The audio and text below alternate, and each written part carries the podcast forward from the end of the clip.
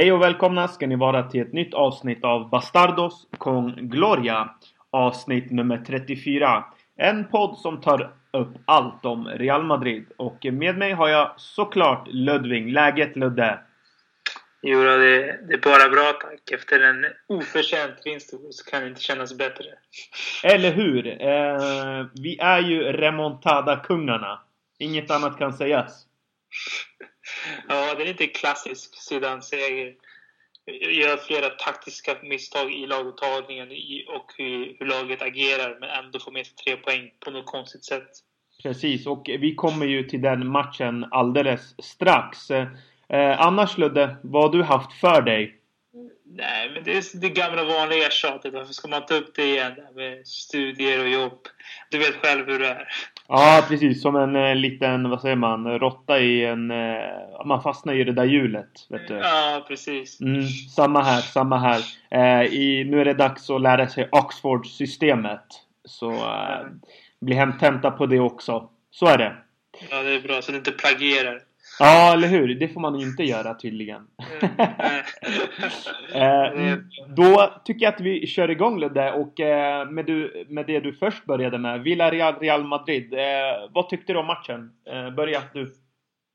Alltså jag tyckte det var många som pratade om laguttagningen hit och dit och det har jag också mina synpunkter på som jag nämnde nu i början av podden. Men för, framförallt så var det den bristfälliga inställningen som hela laget gick in till, till matchen. Det var oceaner av yta för eh, Villarreal att spela på på vårt mittfält. Mm. Och de, alltså de, de kunde gjort ett eller två mål till under andra halvlek specifikt. Under första halvlek hade de stort bollinnehav men de lyckades inte komma fram till de här heta målchanserna. Men under andra halvlek och inledningen av den så hade de fler, fler ypperliga chanser att, att göra fler mål och förtjänade faktiskt segern. Det var att Villarreal inte kunde hantera att få den där straffen emot sig som gjorde att Real Madrid kunde vinna för att de tappade huvudet där och stod fel i deras försvarsspel. Mm. Ja men så är det ju. Eh, jag tycker ju ganska lika mycket som dig eh, på samma sätt alltså. Det, Villarreal var det bättre laget spelmässigt. Men sen är det ju någonting med Real Madrid och Zidane. Det är ju någonting unikt eh, som Zidane har som tränare och man får ju hoppas att han utvecklar det här då.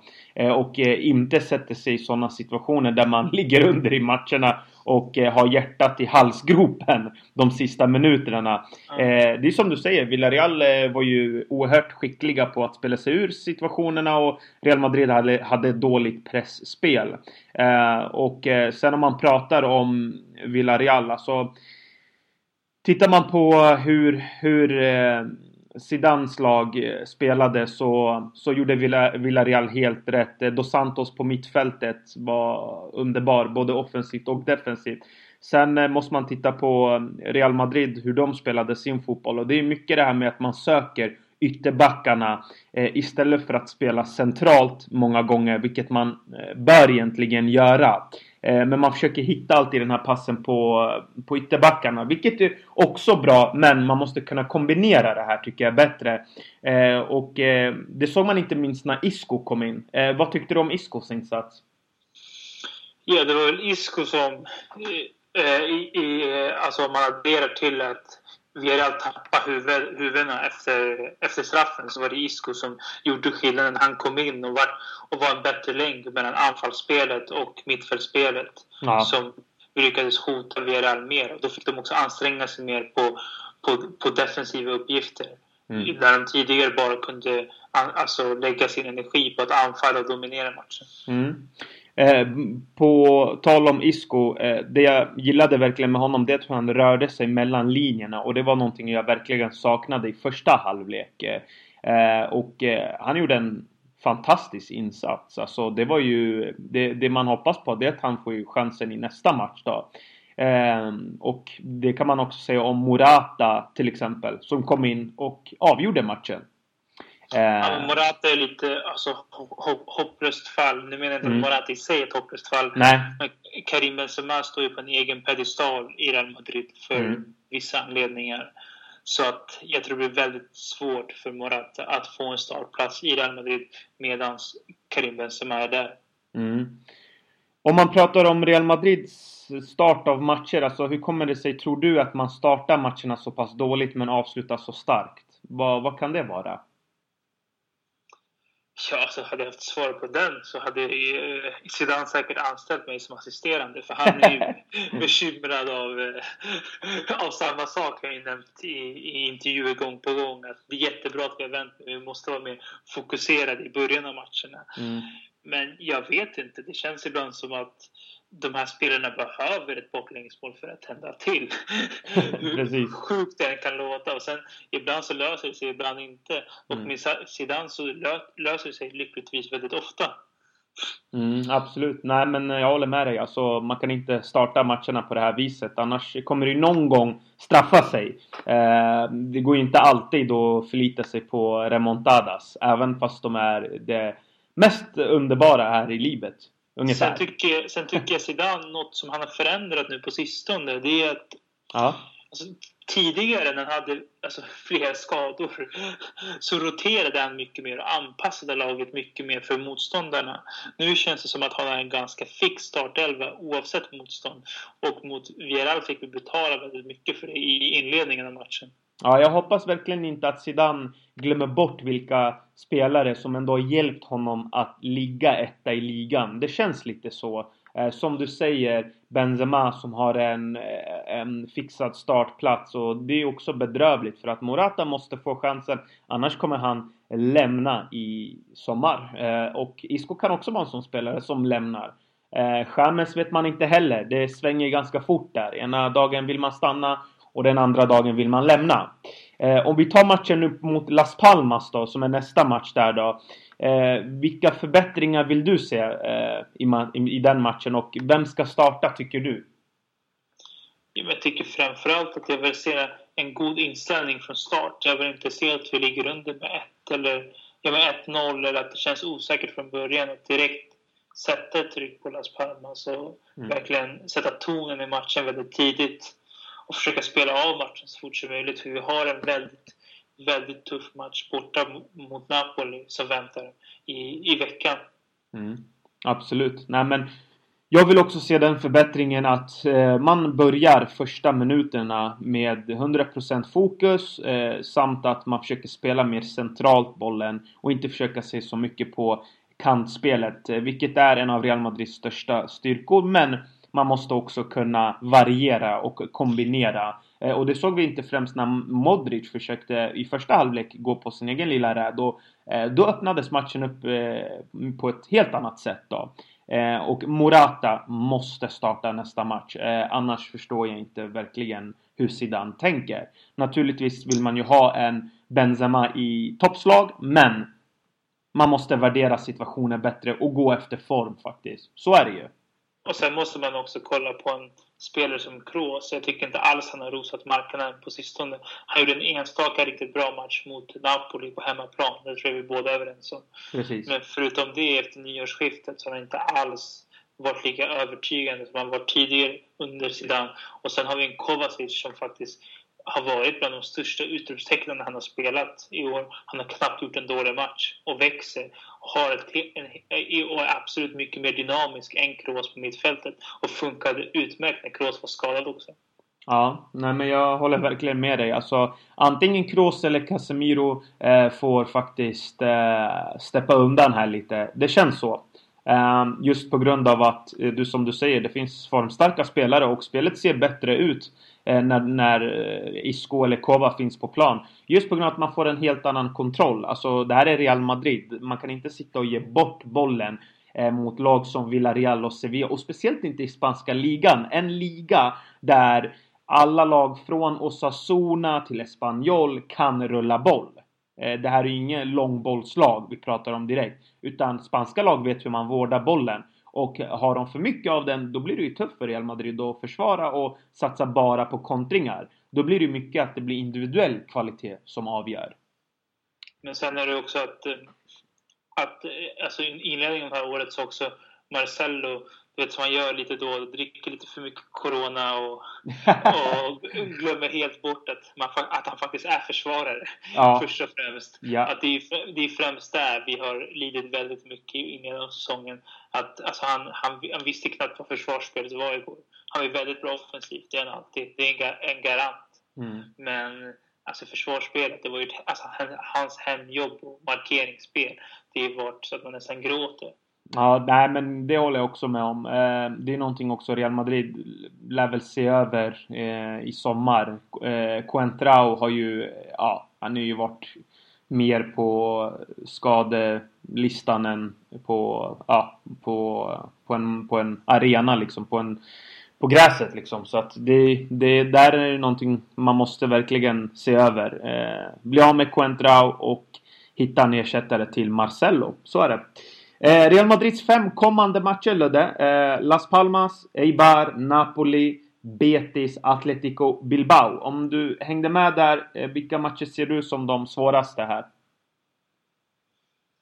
Eh, jag skulle faktiskt säga att eh, Napoli borta blir en väldigt tuff match tror jag. Napoli spelar bra och Real Madrid har det tufft när lag verkligen utmanar. Vi såg som Villarreal som vågade gå upp, dominera mittfältet och utmana Real Madrid. Precis. Jag, tyckte, jag var väldigt förvånad att Napoli redan efter 15 minuter går över initiativet till Real Madrid. Mm. Och, gjorde så att, och egentligen gav oss matchen på så sätt. För att innan de första 15 minuterna så vågade Napoli utmana och var faktiskt med i matchen genom att våga spela fotboll mot Real Madrid. Mm. Så, Absolut. Så att om de börjar anfalla och, kommer in... Nu har de ingenting att förlora heller. De eh, förlorar första matchen med 3 Det är ingen som förväntar sig att de ska slå till med något nå mirakel. Mm. Förutom kanske Maradona. Men, eh, men absolut, jag tror det absolut att det kommer bli en väldigt tuff uppgift för Real Madrids mittfält och Marcelo. Definitivt. Ja, han, han, eh, han lär ju få... Ja, han lär ju få Eh, några örfilar hoppas man då om han ska göra så som han har gjort nu på sistone försvarsmässigt då mot Napoli på bortaplan dessutom. Eh, en annan match jag tänker ju såklart på det är Bilbao på bortaplan. Också alltid en tuff, eh, tuff arena på San Mames där. De, eh, de är, det, det, är inte enkelt men eh, som sagt, man hoppas att Zidane går på form och att eh, laget eh, förbättrar de här första minuterna. Alltså, det är ju där man tappar ju det mesta då. Man tappar koncentrationen då. Och gör små fel individuella misstag som inte ska göras då, på den här nivån. Eh, Ludde, nu ska vi köra vårt eh, nyhetssvep här. Så jag drar iväg och häng med! Eh, Kopp berättar att Isco kan lämna Real Madrid och det sägs att han inte är nöjd med den speltiden han har fått och att hans kontrakt inte är tillräckligt bra. Eh, tydligen är Barca intresserade av alla lag och eh, det har i sin tur gjort att eh, Isco, eh, det har i sin tur gjort att Real Madrid har en backup-plan.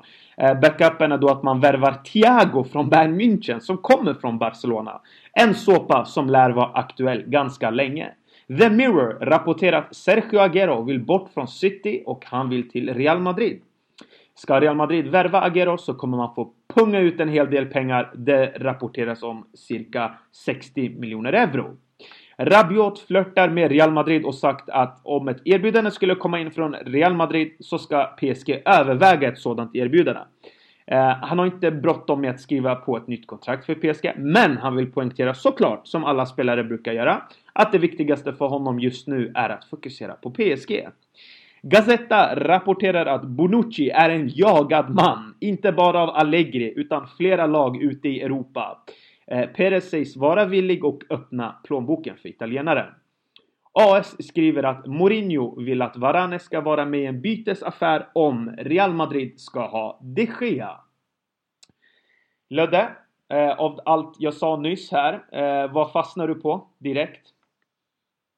Jag tycker det mest intressanta är kontaktsituationen med Isco. Det är väl det det rapporteras mest om nu i, i spansk media. Det sägs att James har accepterat sin roll. Han var väldigt, väldigt glad när han fick starta mot Napoli på hemmaplan. Och det sägs att han i alla fall ska fortsätta mm. eh, nästa säsong. Men Isco verkar ha tagit beslutet att han, han, vill inte, han vill inte vara kvar med den speltiden han får. Han vill ta nästa steg i karriären. Och han har, han har en Guardiola som har knackat på dörren redan förra säsongen mm. i City och som också anammar den spelstilen som jag tror Isco är bäst lämpad för. Vi har tidigare också tagit upp i podden att Isco egentligen var en spelare som skulle vara absolut mer gjuten i hur Barcelona spelar fotboll än hur vi spelar fotboll. Precis. Vad säger du om Thiago då? Eh, hur hade en sådan värvning ekat i världen? jag har först och främst väldigt svårt att se att Bayern München skulle släppa Thiago när han är deras kanske främsta mittfältare nu tillsammans med Artur Vidal. Och att lägga till på det Thiago är väldigt ung. Var han 92 va? Ja, tror det. Ja, mm. ja 92, 91 där någonstans där. Så han är väldigt ung och Bayern München brukar inte släppa sina spelare särskilt billigt, om ens alls. Mm. Om vi pratar om Agero då, då eh, vi har ju pratat mycket i den här podden om Karim Benzema. Eh, vad kan vi säga om, om Agero? Tror du att han lämnar City då nu när Guardiola Eh, Guardiola som inte gillar eh, att spela med strikers verkar det ju som ju. Eh, och Gabriel Jesus är ju nu skadad. Man vet ju inte hur långt borta han blir men när han kommer tillbaka så lär han ju ha en startplats då. Eh, tror du det är en möjlig värvning? Alltså, något man inte förnekar det är att Florentino Perez har varit ute efter Aguero ända sedan han spelade i Atletico Madrid. Mm. Och han vill väldigt gärna ha uh, Aguero. Det som talar emot det är att det är just Karim Benzema som är första valet i Real Madrid. Och jag ser inte varför de skulle värva en spelare som i så fall skulle ta Karim Benzemas startposition i Real Madrid. Mm. Så att jag har väldigt svårt att se att den värvningen skulle genomföras. Och nu känns det också som att den värvningen utdateras lite i och med att det gått så många år där Madrid har försökt aktivt att värva Agüero utan att lyckats. Han är yngre. Men nu, Agüero fyller trots allt 29 år i, i sommar. Precis. Ah, det, det, är ingen spelare som direkt har en utvecklingspotential att bli bättre. Han har snarare sett sämre ut den här säsongen. Mm, definitivt.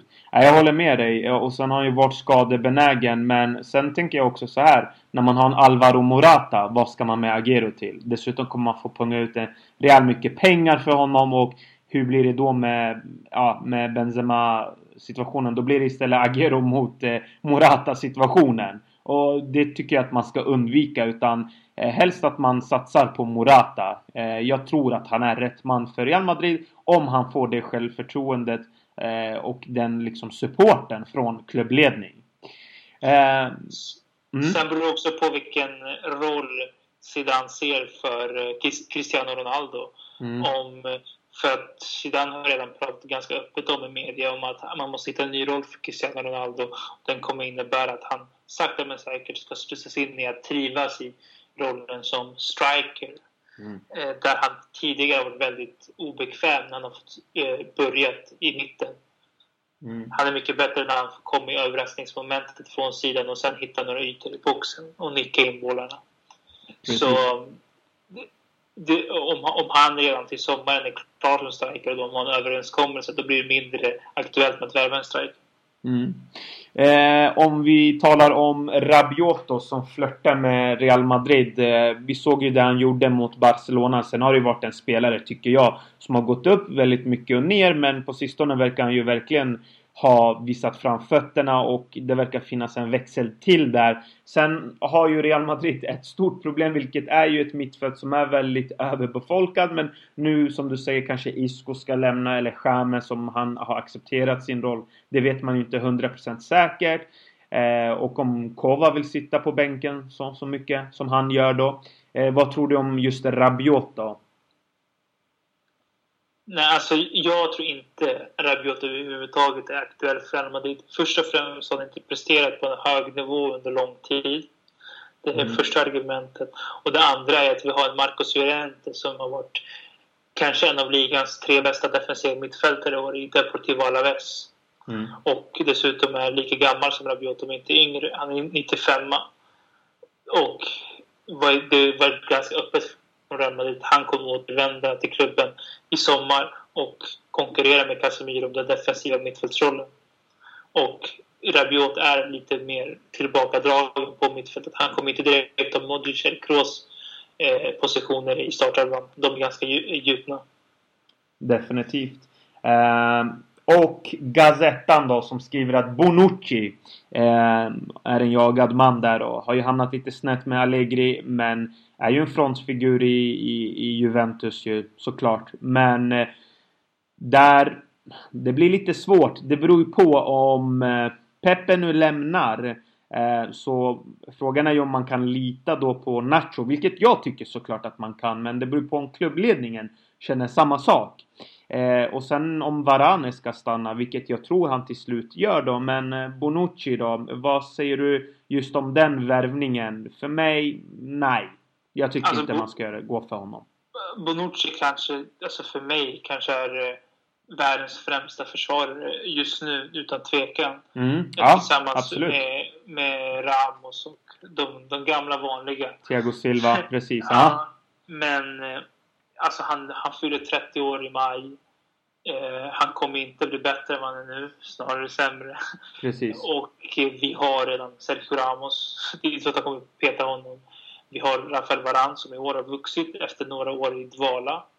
Mm. Och vi har en Jesus Vallejo som gör det väldigt bra i, Frank i Frank eh, Frankfurt. Som kommer komma tillbaka i sommar med hög sannolikhet. Och vi har Nacho. Och där tror jag faktiskt att Real Madrid är nöjda med den försvarsbesättningen. Och det kommer vara försvarsbesättningen för nästa år. De, eh, de fyra eh, mittbackarna. Och sen kommer Pepe gå till Kina. Han är 34 år och gjort 10 säsonger i Real Madrid. Så han förtjänar att gå och tjäna cash. Mm, precis. Om man inte redan har gjort det tillräckligt under 10 år i Real Madrid. Men om man vill verkligen mjölka ur det sista ur kossan. Mm. Eh, om vi pratar om Mourinho då. hans, eh, hans kelgris, Varane. Eh, här kan jag faktiskt tro lite mer på det här ryktet ändå. Alltså AS visst, de kan ju snacka mycket och, och så. Men eh, ja, Varane. Hmm, det beror ju på som sagt om eh, Pepe kommer ju nog lämna i sommar. Och om inte Real köper någon då, då ska ju Varane såklart vara kvar. Men Eh, någonstans så känner jag att det kan bli ganska tufft annars att få över de Gea. Eller vad tror du där?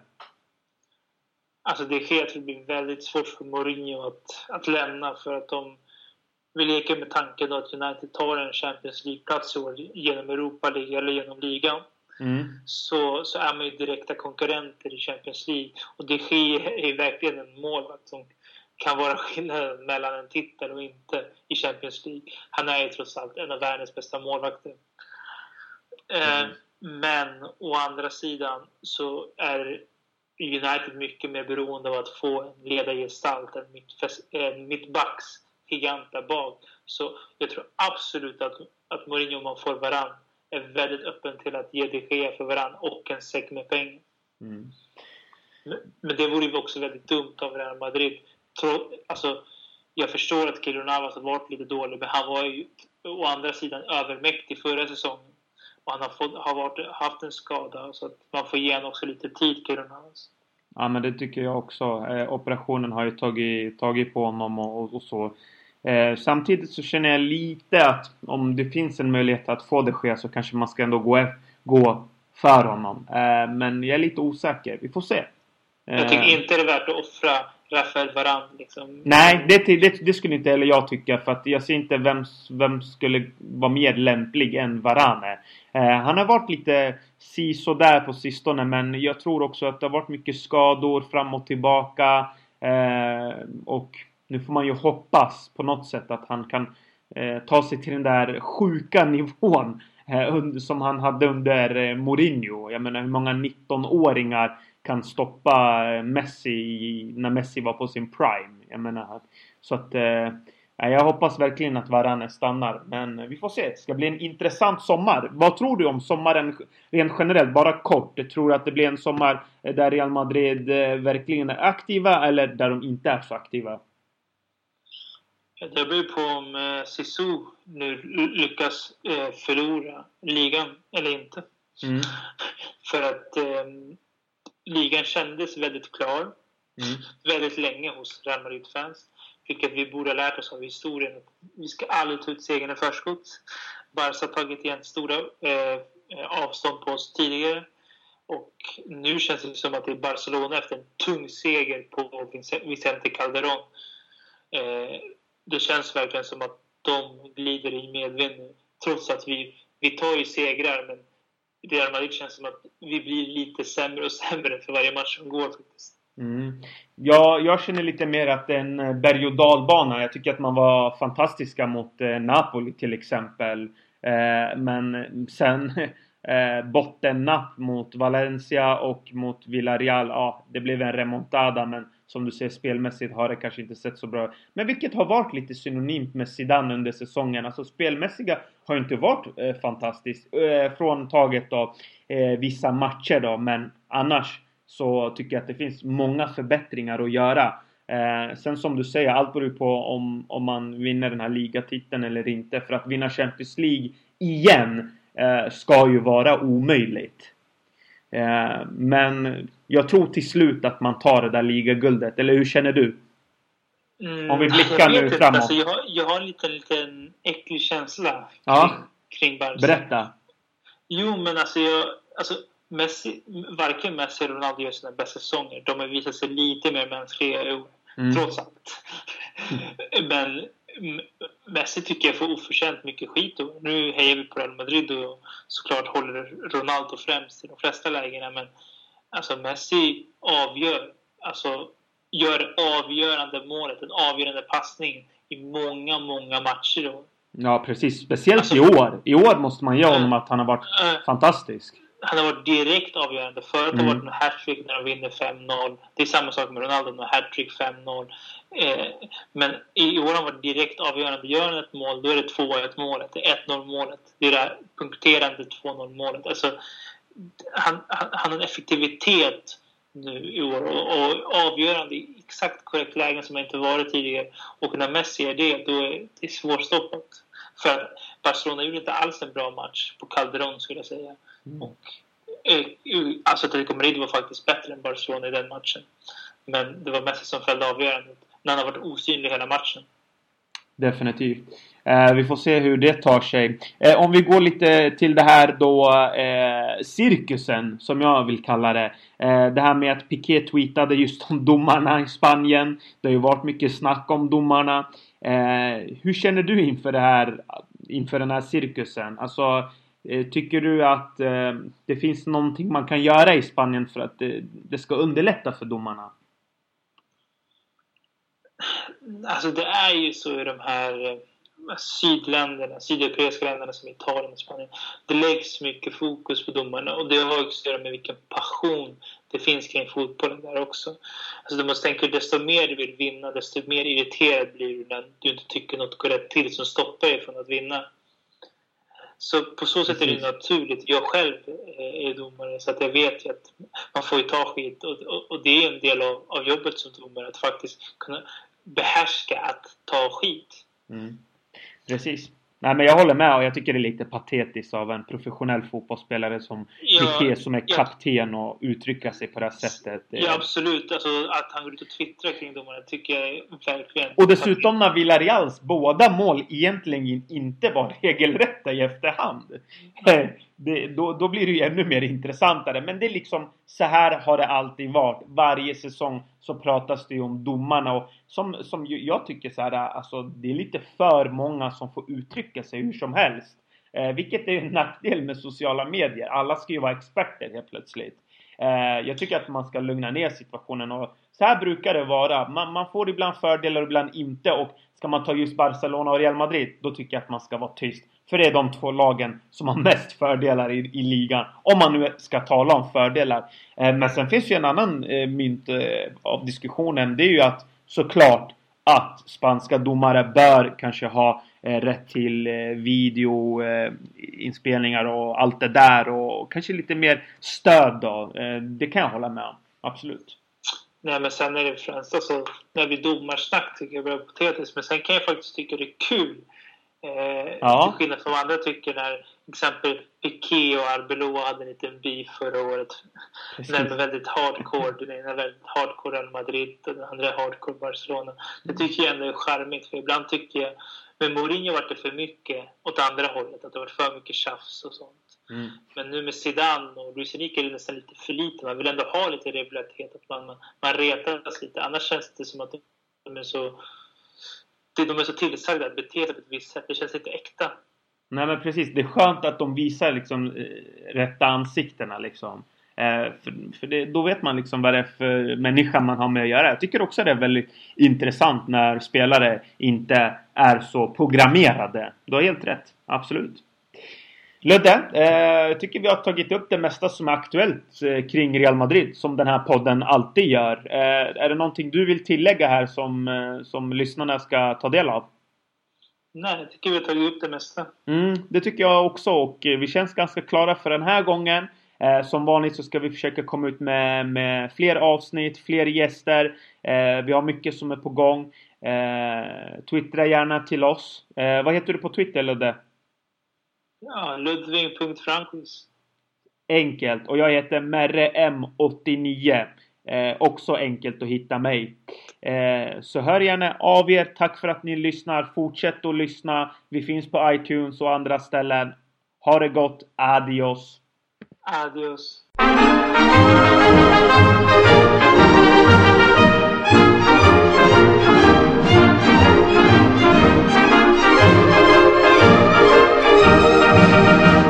Las glorias deportivas que campean por España.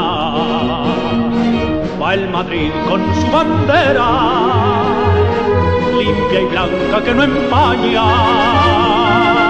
Club castizo y generoso, todo nervio y corazón. Veteranos y noveles, veteranos y noveles miran siempre sus laureles con respeto y emoción. A la Madrid, a la Madrid, noble y bélico Adalid, caballero del honor. A la Madrid, a la Madrid, a triunfar en buena lid, defendiendo tu color. A la Madrid, a la Madrid, a la Madrid. A la Madrid, a la Madrid, noble y Valladolid, caballero del honor. Arambalí, Arambalí,